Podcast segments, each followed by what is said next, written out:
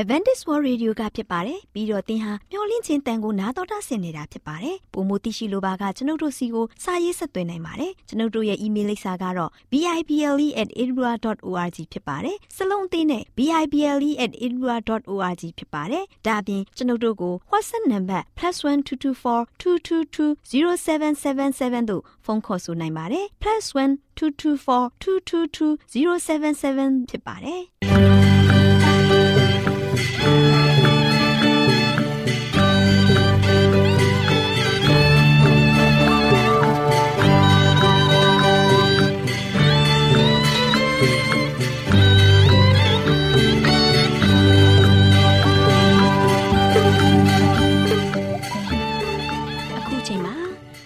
တော်ကိုမျော်လင့်သောတတ္တမနေ့အသင်းတော်ရဲ့ရေဒီယိုအစီအစဉ်ဖြစ်တဲ့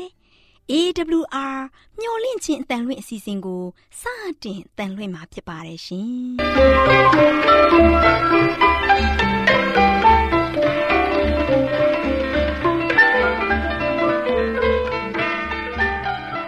။တော်တာရှင်များခင်ဗျာမျော်လင့်ခြင်းအတန်မြန်မာအစီအစဉ်ကိုနက်နက်6နိုင်မိနစ်30မှ9နာရီအထိ16မီတာ။ kHz 10653ညညပိုင်း9နိုင်မှ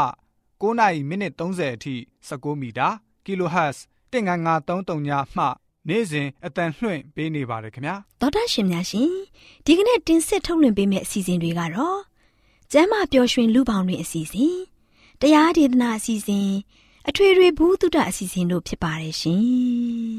သောတာရှင်များရှင် Our temperament လာပန်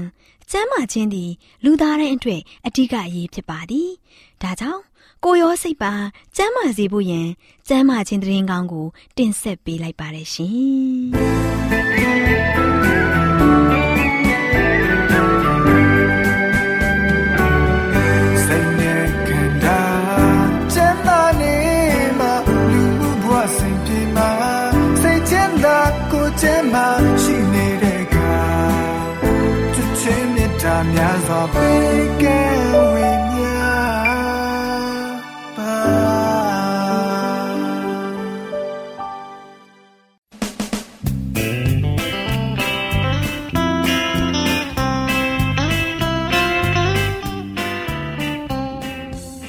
တော်တန့်ရှင်မိတ်ဆွေများရှင်လူသားတို့အသက်ရှင်ရေးအတွက်အစာအာဟာရကိုမှီဝဲစားတောက်နေကြရတယ်ဆိုတာလူတိုင်းသိပါပဲဒီလိုစားတောက်တဲ့အခါမှာစားသောက်မှုမမှန်ကန်တာတွေစားသောက်မှုအချိန်မတော်တာတွေကြောင့်ကျန်းမာရေးထိခိုက်လာလို့ယောဂဗျာတွေတိုးပွားပြီးဒုက္ခဝေဒနာတွေခံစားကြရတယ်။ ဒါကြောင့်ကျန်းမာရေးနဲ့ညီညွတ်အောင်ဘယ်လိုစားသောက်နေထိုင်ပြုမှုသင့်တယ်လဲဆိုတာသိရှိဖို့အတွက်ကျမတို့မျှဝင့်ခြင်းအတမထုတ်လွှင့်ပေးမယ်အစာအာဟာရဆိုင်ရာအကြံပေးချက်တွေကိုလေ့လာမသားကြပါစို့။သောတာရှင်များရှင်ဒီကနေ့လုံခြုံသောနီလန်းဆိုတဲ့အကြောင်းနဲ့ပတ်သက်ပြီးလေ့လာမသားကြစို့တောတရှင်များရှင်တခုတည်းသောလုံခြုံတဲ့နီလန်းဟာလက်ဖက်ရည်ကော်ဖီဝိုင်ဆေးလိပ်ဘိန်းနဲ့အရက်သေးစားတွေကိုလုံးဝမတောက်တာဖြစ်တယ်။ နည်းနည်းကလေးမှမြည်ပြီးမကြည့်ကြပါနဲ့။စာရန်ရဲ့စုံစမ်းနှောက်ယှက်ခြင်းတွေကိုတွန်းလှန်ဖို့နဲ့မှားယွင်းတဲ့ကတွင်တောင်းတမှုကိုစန့်ကျင်ရည်တည်နိုင်ဖို့အတွက်အခုခေတ်လူသားတွေဟာကျေးဇူးတော်အဖြစ်အားဖြစ်ထားတဲ့စိတ်တကိုးတွေရရှိဖို့ရှေးခေတ်လူသားတွေထက်နှဆတိုးပြီးဆုတောင်းအသနာခံကြရမှာဖြစ်တယ်။ထာဝရဘုရားသခင်ကိုရော မောရှေနဲ့အာယုန်ကိုရောဆန့်ကျင်ပုန်ကန်ခဲ့ကြတဲ့ ကောရနဲ့အဖွဲ့အကြောင်းကို နောက်ဆုံးသောခေတ်ကာလမှာ အသက်ရှင်နေထိုင်ကြတဲ့လူတွေအတွက်တတိပေးဆုံးမဖို့မှတ်တမ်းတင်ထားပါတယ်။ရှင်းရှင်းလင်းလင်းဖော်ပြထားတဲ့အဲ့ဒီသက်သေခံချက်တွေကိုစန့်ကျင်လှုပ်ဆောင်ဖို့မိမိကိုယ်ကိုခွင့်ပြုခဲ့ကြတဲ့သူတွေဟာကိုကိုကိုလှည့်ပြားတဲ့သူတွေဖြစ်ပါလိမ့်မယ်။ဒါအပြင် အမှုတော်အတွက်ဖျားသခင်ကတာဝန်ပေးအပ်ခြင်းခံရတဲ့သူတွေဟာတခြားသူတွေထက် မြောက်စားခြင်းခံရတယ်လို့ဆိုပြီးအဲ့ဒီလူတွေပေးတဲ့အကြံဉာဏ်တွေနဲ့ဆုံးမစကားတွေကိုရောမှတ်သားထားเสียမလိုဘူးလို့သူတို့အမှန်တကယ်ယူဆနေကြတယ်။ဖျားသခင်ရဲ့သားသမီးတွေအကြားမှားယွင်းစွာလှုပ်ဆောင်နေတာကိုဆုံးမဖို့အဲ့ဒီတာဝန်ရှိတဲ့သူတွေကပြသထားတဲ့ရှင်းလင်းတဲ့တည်တည်ခံကြွတွေ ကိုရောသူတို့ဆန့်ကျင်ခဲ့ကြတယ်။လက်ဖက်ရည်ကော်ဖီဆေးလိပ်အရက်ဘိန်းရှူမှုတွေကို မပြုတ်လို့ဖို့ဖော်ပြတဲ့တည်တည်ခံချက်တွေဟာလူဒန်းစားတစ်ခုအတွက်တော့စိတ်ဆိုးစရာဖြစ်နေပါတယ်။များစွာသောလူတို့ဟာကျမ်းမာရေးနဲ့မညီညွတ်တဲ့အဲ့ဒီအစာတွေကိုရှောင်ကျဉ်ကြမယ်ဒါမှမဟုတ်တိကျပြတ်သားတဲ့တက်တေခံချက်တွေကိုညင်းပယ်ကြမယ်ဆိုပြီးအခိုက်အတန့်အားဖြင့်တိကျတဲ့ဆုံးဖြတ်ချက်ကိုမပြုတ်နိုင်ကြသေးပဲကတွင်းအလိုလိုက်မှုပါမျောပါနေစေရှိပါသေးတယ်။တဖြည်းဖြည်းချင်း အစိတ်တက်စေတဲ့အဲ့ဒီအရာတွေကိုကောင်းမြတ်တဲ့အရာတို့ကောင်းမြတ်တဲ့အရာတွေကိုသူတို့မသိကြတော့ပဲဖြစ်ချင်တဲ့ယောဂဖြစ်ပါစေဆိုပြီးမိမိအလိုကိုညင်းပယ်ခြင်းမပြုတ်လို့ကြတော့ပါဘူး။ကြောက်စရာကောင်းတဲ့အဲ့ဒီဆုံးဖြတ်ချက်ကြောင့်ကိုယ်စိတ်နှပါရဲ့ညဉ့်ညမ်းမှုတွေကိုဖျားသခင်ရဲ့အမိန့်တော်နဲ့အညီမိမိကိုယ်ကိုတန့်စင်စေပြီးဖျားသခင်ကိုကြောက်ရွံ့ခြင်းအပြင်စုံလင်တဲ့တန့်ရှင်းခြင်းကိုရအောင် စူးစမ်းနေတဲ့သူတွေနဲ့သူတို့အကြားမှာခြားနာတဲ့တတိုင်းတစ်ခုပေါ်ထွန်းလာပါတယ်။မိမိတို့ရဲ့လှုပ်ဆောင်မှုများသာမှန်ကန်တယ်လို့တခြားလူတွေနဲ့မိမိကိုယ်ကိုယုံကြည်လက်ခံအောင်တွန်းအားပေးပြီးအဲ့ဒီသက်သေခံချက်တွေကိုတိုက်ခိုက်ဆန့်ကျင်ခြင်းမှာစိတ်သက်သာရာရရှိမှုကိုသူတို့တွေ့ရှိခဲ့ကြတယ်။ချုပ်တီးချင်းဆိုင်ရာပြုပြင်ပြောင်းလဲမှုကိုယုံကြည်လက်ခံနေသူတွေကို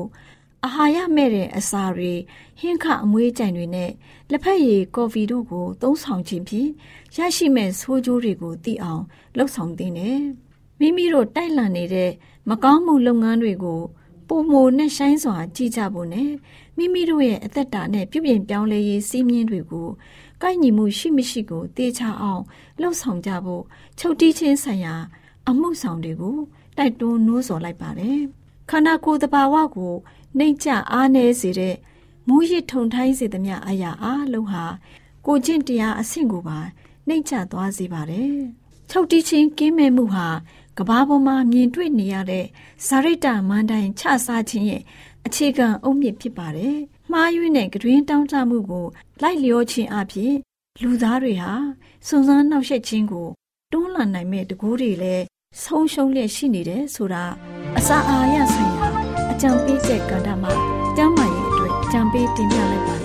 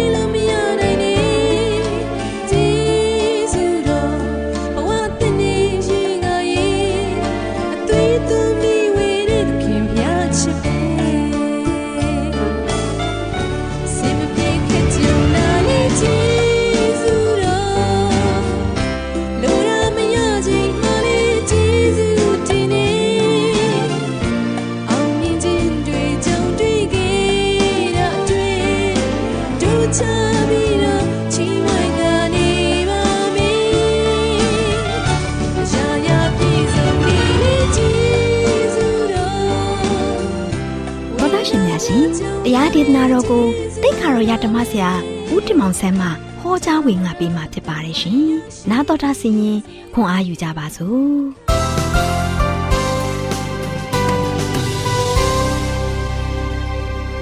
။ချစ်တော်ဓမ္မမိတ်ဆွေများမင်္ဂလာပါလို့ရှိစွာနှုတ်ခွန်းသက်သကြပါတယ်။ဒီနေ့မင်္ဂလာနေ့တင်မှာဆက်လက်ပြီးတော့ပေးသွားခြင်းတဲ့သတင်းစကားကတော့အိမ်မက်ဘရင်အမေဒံယေလအဖြစ်အပိုင်းနှစ်ကိုကျွန်တော်တို့ဆက်လက်ပြီးတော့လေ့လာကြပါစို့ပြီးကြတဲ့ရက်ကတော့အိမ်မက်ဘရင်အမေဒံယေလအဖြစ်အပိုင်းတစ်ကိုကျွန်တော်လေ့လာခဲ့ပြီးပါပြီ ဒီအပိုင်းတင်းမှာတော့ဒံရင်လကတို့ရှင်ရှင်ပြန်ချင်းမေးတဲ့အိမ်မက်နဲ့အ내ဒိတ်ပဲကိုဖော်ပြခဲ့ပါတယ်နော်အိမ်မက်အရာစပင်ကိုသူပြောပြခဲ့ပါတယ်ရှင်ပြန်ကြီးကအိမ်မက်ကိုသိရတဲ့ခါမှာရှင်ပြန်ကအံဩမိန်မောတွေ့ဝေစွာနဲ့ဒီအိမ်မက်ကတကယ်မှန်ကန်ကြောင်းသူမြင်မြင်မဲ့ခဲ့တဲ့အိမ်မက်ဖြစ်ကြောင်းကိုရှင်ပြန်ကြီးလုံးဝမှဝန်ခံခဲ့ပါတယ်ဒီနေ့ကတော့ဆက်လက်ပြီးတော့အိမ်မက်ဘယင်အမေဒံယေလဖြေကြားခဲ့တဲ့အရာကို ဆက်လက်ပြီးတော့ကျွန်တော်တို့နားတော်တာဆင်ကြပါစို့ရှင်ဘယင်ကြီးတတိမထားမိတာကတော့ဒီအိမ်မက်ဟာဒံယေလကိုဘယ်သူမှမပြောပြနိုင်ဘူးဆိုတာသိကြတယ်နော်ဘယ်သူတဦးတယောက်မှအခြားတယောက်ရဲ့အိမ်မက်ကိုမပြောပြနိုင်ခဲ့ပါဘူးနော်ဖျားဖော်ပြလို့သာလျှင်ဖြစ်မယ်လို့သူသိရှိခဲ့ပါတယ်အိမ်မက်ထဲမှာဆိုချင်ဖော်ပြခဲ့တဲ့နိုင်ငံတွေဟာတနည်းနည်းအားဖြင့်အခုခေတ်မှာရှိတဲ့နိုင်ငံတစ်ခုစီကိုဩသာညောင်းတည်ခဲ့ပါတယ် ခရစ်တော်မတော်မပေါ်မီနှစ်ပေါင်း600လောက်ကလေးကဘာဘူးလုံနိုင်ငံကြီးရဲ့အချိန်ကစတဲ့ယာသဝင်သမိုင်းဟာဘယ်လိုဆုံးသက်သွားမလဲဆိုတာကိုစကားအနှဲငယ်အားဖြင့်ဖျားရှင်ကဆိုရှင်ဖော်ပြခဲ့ပါတယ်အဆုံးမှာတော့ဒံယေလဆိုရှင်အိမ်မက်အကြောင်းကိုကောင်းကောင်းသိရှိခဲ့ပါတယ်နော်ဒံယေလဆိုရှင်ရှင်မြင်ကြီးရဲ့မျက်နာကိုစိတ်စိတ်ကြည့်ပြီးတော့ကိုတော်သည်ရုတ်ထုဤရွှေဥကောင်းဖြစ်တော်မူ၏နော် ဘာဘူးလုံနိုင်ငံဟာ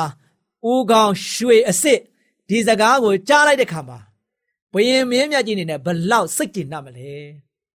ကျွန်တော်စဉ်းစားကြည့်ပါသူ့ရဲ့နိုင်ငံဟာရွှေဥကောင်းဖြစ်တယ်ကြားလိုက်ရတဲ့အခါမှာဘယင်မင်းမြတ်ကြီးကသိပြီးတော့ဝမ်းသာပီတိဖြစ်နေတယ်နှလုံးပီတိဂွမ်းစီထိနေမှာဖြစ်ပါတယ်နော်မှန်ပါတယ်စီရေးစေးရမှာအောင်မြင်မှုတဲ့ဘိသုကအောင်မြင်မှုတွေမှာ ဘာဘူးလုံနိုင်ငံကိုဘယ်နိုင်ငံကမှမတာခဲ့ပါဘူးအဲ့ဒီချိန်တုန်းက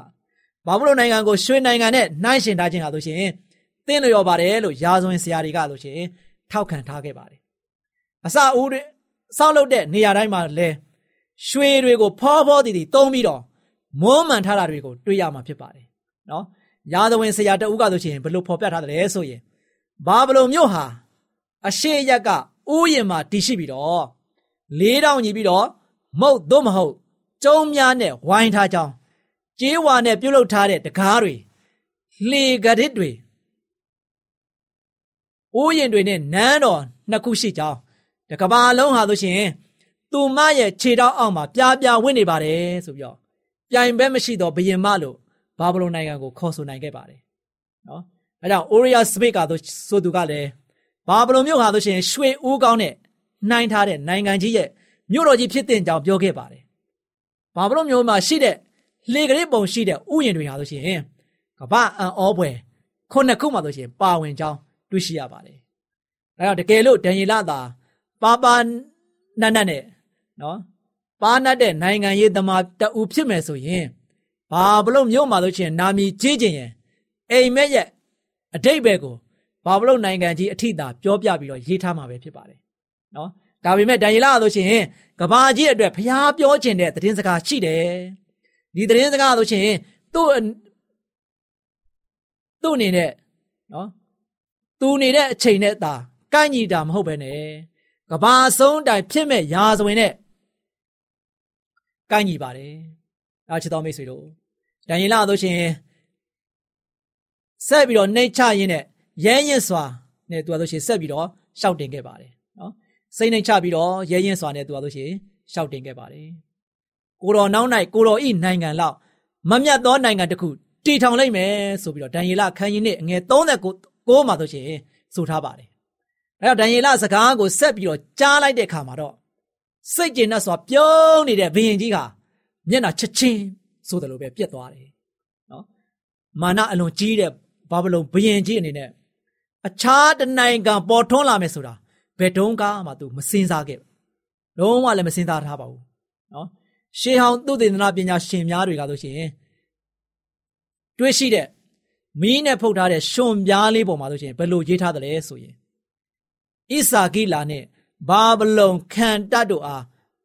ငါအားဖြစ်မည်ငါ၏နိုင်ငံသည်ထာဝရတည်ရမည်လို့မှတ်တမ်းနေထားပါတယ်။ဒါကြောင့်ရှင်မကုန်ရှင်မင်းနေဘုခနေစာမင်းကြီးဟာ သူ့ရဲ့နိုင်ငံကြီးသူ့ရဲ့အင်ပါယာကြီးဟာထာဝရတည်ရမယ်ဆိုပြီးတော့သူ့အနေနဲ့ထင်ထားခဲ့ပါတယ်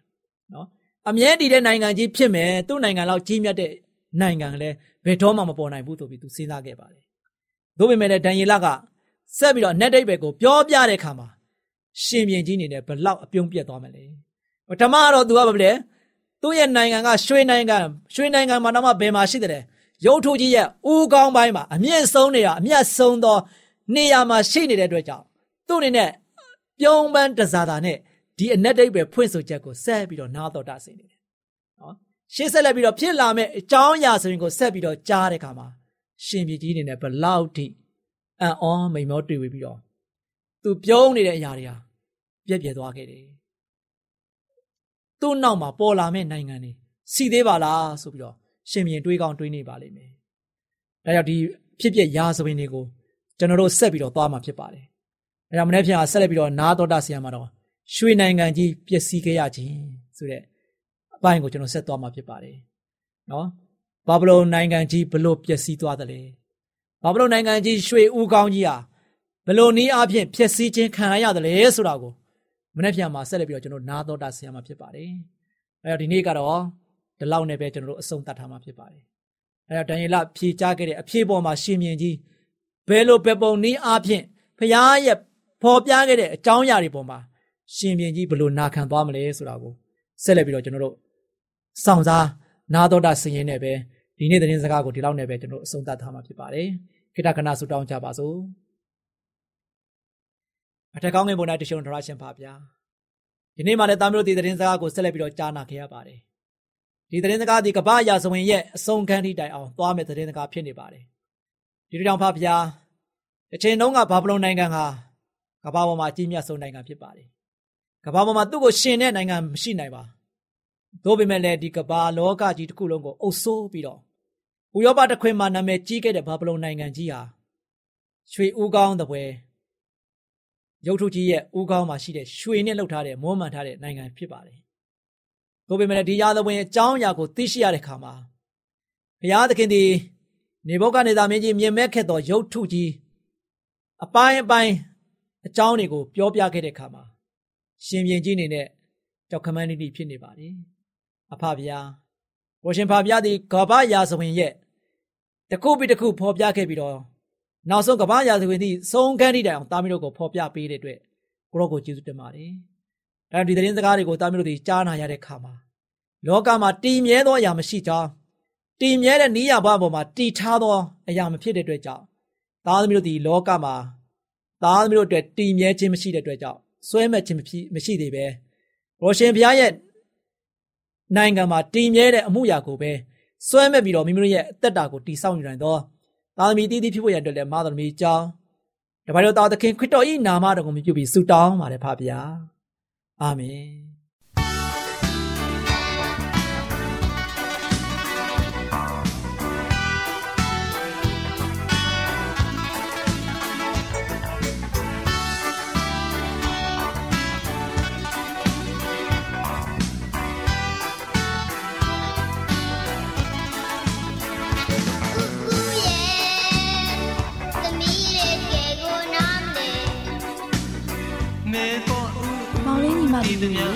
ဒီကနေ့လိလာစီချင်းတဘာဝတစ်ပင်တွေအကြောင်းမှာကလေးတို့ကိုမမပန်စီကနေအောင်ရှိရာကိုမျက်နာလဲတဲ့အပင်လေးအကြောင်းကိုကလေးတို့ဘ ഹു တုတရရှိစီဖို့ပြောပြပေးမယ်နော်အဲဒါကြောင့်ကလေးတို့တိတိကျကျမှတ်သားထားကြပါကွယ်ကြပါမမပန်စီခုနကကလေးတို့ကိုမမပန်စီပြောခဲ့တယ်လို့နေအောင်လာရဘက်ကိုမျက်နာလဲပြီးပင်တဲ့ပန်းပင်လေးကပါပန်းပင်များဖြစ်မလဲကွယ်ကဲဘယ်သူဖြေကြည့်မလဲကလေးတို့သိကြမှာပါကွယ်က နေကြပန်းကမမပန်းစီ။ဦးကွယ်လင်းလင်းကတိတ်တော်တာပဲ။ဟုတ်တယ်ကွ။နေကြပန်းပင်လူတွေဟာနေအောင်ကြီးကိုအန်တုပြီးနေထွက်ရာကိုမျက်နှာမူတဲ့အဩဘွယ်ပန်းပင်တစ်မျိုးဖြစ်တယ်ဟုတ်တယ်နော်မမပန်းစီနေကြပန်းကခြာပန်းစင်နဲ့မတူဘူးနော်။ဒါလဲသမီးလေးလုံးလုံးကနေကြပန်းအကြောင်းကိုစိတ်ဝင်စားနေပြီလားဟုတ်ကဲ့ပါမမပန်းစီသမီးကလည်းပန်းမျိုးချစ်တယ်လို့ပါ။ ဟုတ်ပါပြီ။ဒါဆိုရင်ပန်းလေးတွေကိုချစ်တဲ့ကလေးတို့ကိုမမပင်ကြီးကနေကြပန်းပင်လေးအကြောင်းဆက်ပြောပြပေးမယ်နော်။ဟုတ်ကဲ့ပါမမကလေးတို့ရေ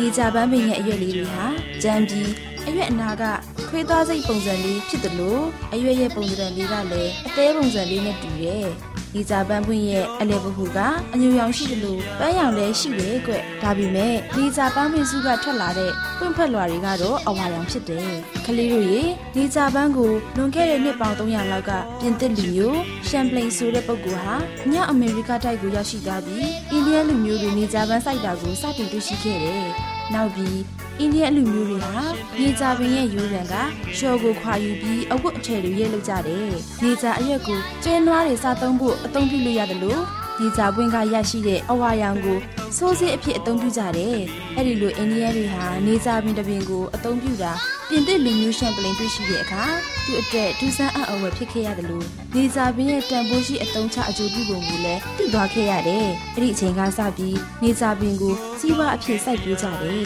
။ဩစတြေးလျမှာကတော့ကျက်နဲ့ဘဲရီကိုအစာကျွေးဖို့နေကြပင်ကိုအကြီးကြီးစိုက်ပျိုးကြတယ်လေအခုအချိန်မှာတော့ဥရောပတောင်ပိုင်းအိန္ဒိယနိုင်ငံအီဂျစ်နိုင်ငံနဲ့အမဘန်ဂျီရမြန်မာနိုင်ငံအပြင်အခြားဒေသတွေမှာလည်းနေကြပင်ကိုတွင်ကျယ်စွာစိုက်ပျိုးကြတယ်ကွဒါ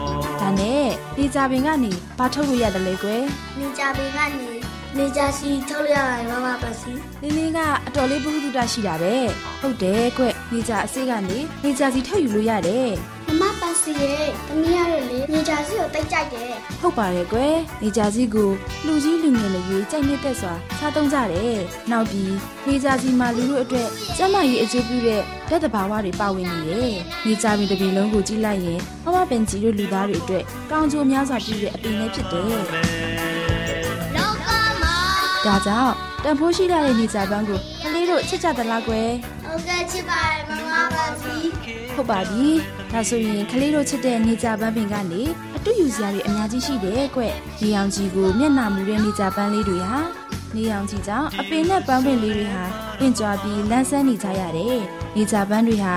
အပူရှိန်တန်ကိုမကြောက်ကြဘူး။ဒီလိုအပူတန်ကိုရမှပန်းပင်လေးတွေဟာရှင်တန်ကြရမယ်မလား။ဒါကြောင့်ကလေးတို့အနေနဲ့ဘဝမှာဘယ်လိုအခက်အခဲတွေနဲ့ရင်ဆိုင်တွေ့ကြုံရပြီမယ်။နေကြပန်းတွေလိုပူရန်ကိုခံနိုင်ရည်စွမ်းရှိရမယ်။ ဘဝရဲ့အခက်အခဲကိုကြကြခံရင်ဆိုင်ပြီးဖြေရှင်းရမယ်။အခက်အခဲတွေကိုစူးစမ်းကြော်လွှားရမယ်။ဒါဆိုရင်ကလေးတို့တက်လန်းမဲ့ဘဝပန်းတိုင်ကိုရောက်ရှိပြီးအောင်မြင်မှုတော်ခုကိုစုခူးကြရမှာဖြစ်တယ်ကွ။ဟုတ်ကဲ့ပါမမပန်းစီနေကြပန်းကတမိုးရှိတဲ့အကြောင်းကိုကြားသိရလို့မမပန်းစီကိုကျေးဇူးအများကြီးတင်ပါတယ်သမီးလည်းနေကြပန်းတွေလို့အသိရှိပါတော့မယ်ကျောင်းစာတွေကိုမှန်မှန်ဖတ်ပြီးဆ iam မစာနေမှာကိုလည်းမကြောက်တော့ပါဘူးမမပန်းစီ အေးကွယ်ကလေးတို့စီကဒီလိုစကားလေးတွေကြားရလို့မမပင်ကြီးဝမ်းသာလာပါပြီကွယ်ကလေးတို့အနေနဲ့တန်ဖိုးရှိလာတဲ့အချိန်လေးကိုမှန်ကန်စွာအသုံးချပြီးအောင်မြင်မှုတော်ခုစုခုနိုင်ကြပါစေနေကြပန်းလေးဟာအပူရန်ကိုမကြောက်တလို့ကလေးတို့အနေနဲ့လည်းအခက်ခဲတွေရှိနေပေမဲ့မိမိရဲ့ဘဝခရီးပန်းနိုင်ကိုရဲဝံ့စွာအဆုံးထိရှောက်လန်းနိုင်ကြပါစေကွယ်တကယ်ကိုလှတယ်သမီးလေးကအားကြောင့်များနာမလဲ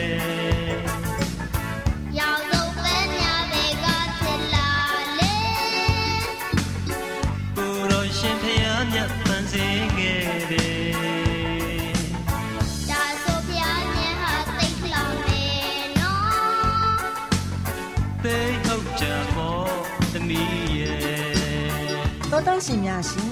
မြမဆွေဆုံးချမ်းအတွဲ6မှာမိကြမန်းအကြောင်းကိုကျမတို့မျောလိခြင်းအတန်မှကောက်နှုတ်တင်ဆက်ပေးခဲ့ခြင်းဖြစ်ပါတယ်ရှင်ကျေးဇူးတင်ပါတယ်ရှင်ဒူးစရိုက်လွှမ်းချုံ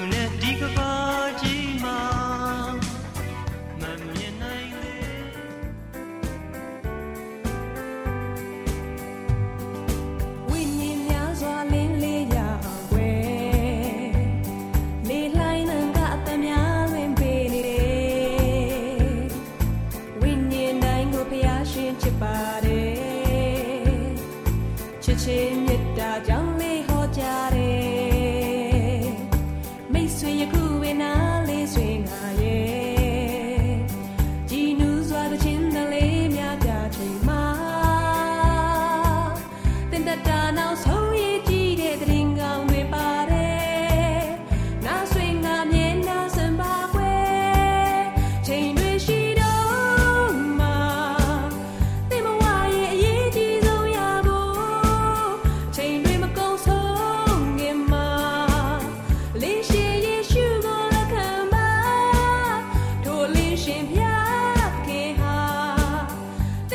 တယ်ချစ်ချင်းမြတ်တတာရှင်များရှင်ကျမတို့ရဲ့ဗျာဒိတ်တော်စပေးစာယူတင်နန်းဌာနမှာ အောက်ပါတင်ဒားများကိုပို့ချပေးလျက်ရှိပါတယ်ရှင်တင်ဒားများမှာဆိဒ္ဓတုခရှာဖွေခြင်းခရစ်တော်၏အသက်တာနှင့်တုန်တင်ချက်များတဘာဝတရားဤဆရာဝန်ရှိပါကျမ်းမာခြင်းနဲ့အသက်ရှိခြင်းသင်နဲ့တင့်ကြမာရေးရှားဖွေတွေ့ရှိခြင်းလမ်းညွန်သင်ခန်းစာများဖြစ်ပါရဲ့ရှင်သင်တန်းအလုံးဟာအခမဲ့သင်တန်းတွေဖြစ်ပါတယ်ဖြစ်ဆိုပြီးတဲ့သူတိုင်းကို ဂုံပြုလွှာချင်းမြင့်ပေးမှာဖြစ်ပါတယ်ရှင်တော်တာရှင်များခင်ဗျာဓာတိတော်အတန်းစာပေးစာယူဌာနကိုဆက်သွယ်ခြင်းနဲ့ဆိုရင်တော့ဆက်သွယ်ရမယ့်ဖုန်းနံပါတ်ကတော့39 656 296 336နဲ့39 698 316 694ကိုဆက်သွင်းနိုင်ပါတယ်။ဒါ့အပြင်တော့အတန်းစာပေးစာဥထာဏာကိုအီးမေးလ်နဲ့ဆက်သွယ်ခြင်းနဲ့ဆိုရင်တော့ l a l r a w n g b a w l a @ gmail.com ကိုဆက်သွင်းနိုင်ပါတယ်။ဒါ့အပြင်တော့အတန်းစာပေးစာဥထာဏာကို Facebook နဲ့ဆက်သွယ်ခြင်းနဲ့ဆိုရင်တော့ s o e s a n d a r Facebook အကောင့်မှာဆက်သွင်းနိုင်ပါတယ်။တော်တာရှင်များရှင်ညိုလင့်ချင်းတန်ရေဒီယိုအစီအစဉ်မှာတင်ဆက်ပေးနေတဲ့အကြောင်းအရာတွေကိုပိုမိုသိရှိလိုပါကဆက်သွယ်ရမယ့်ဖုန်းနံပါတ်များကတော့39ကို663 986 126ဖြစ်ပါတယ်ရှင်။နောက်ထပ်ဖုန်းတစ်လုံးနေနဲ့39ကို6 6 688 669တို့ဆက်သွယ်မြင်းမြန်းနိုင်ပါတယ်ရှင်။တော်တာရှင်များရှင် KSTA အာကခွန်ကျွန်းမှာ AWR မျိုးလင့်ချင်းအတံမြန်မာအစီအစဉ်များကိုအတံလွှင့်ခဲ့ခြင်းဖြစ်ပါတယ်ရှင် AWR မျိုးလင့်ချင်းအတန်ကိုနာတော်တာဆင် gay ကြတော့တောတာရှင်အရောက်တိုင်းပေါ်မှာဖျားသခင်ရဲ့ကြွယ်ဝစွာသောကောင်းကြီးမင်္ဂလာတက်ရောက်ပါစေ ကိုယ်စိတ်နှဖျားစမ်းမွှင်လန်းကြပါစေကျေးဇူးတင်ပါတယ်ခင်ဗျာ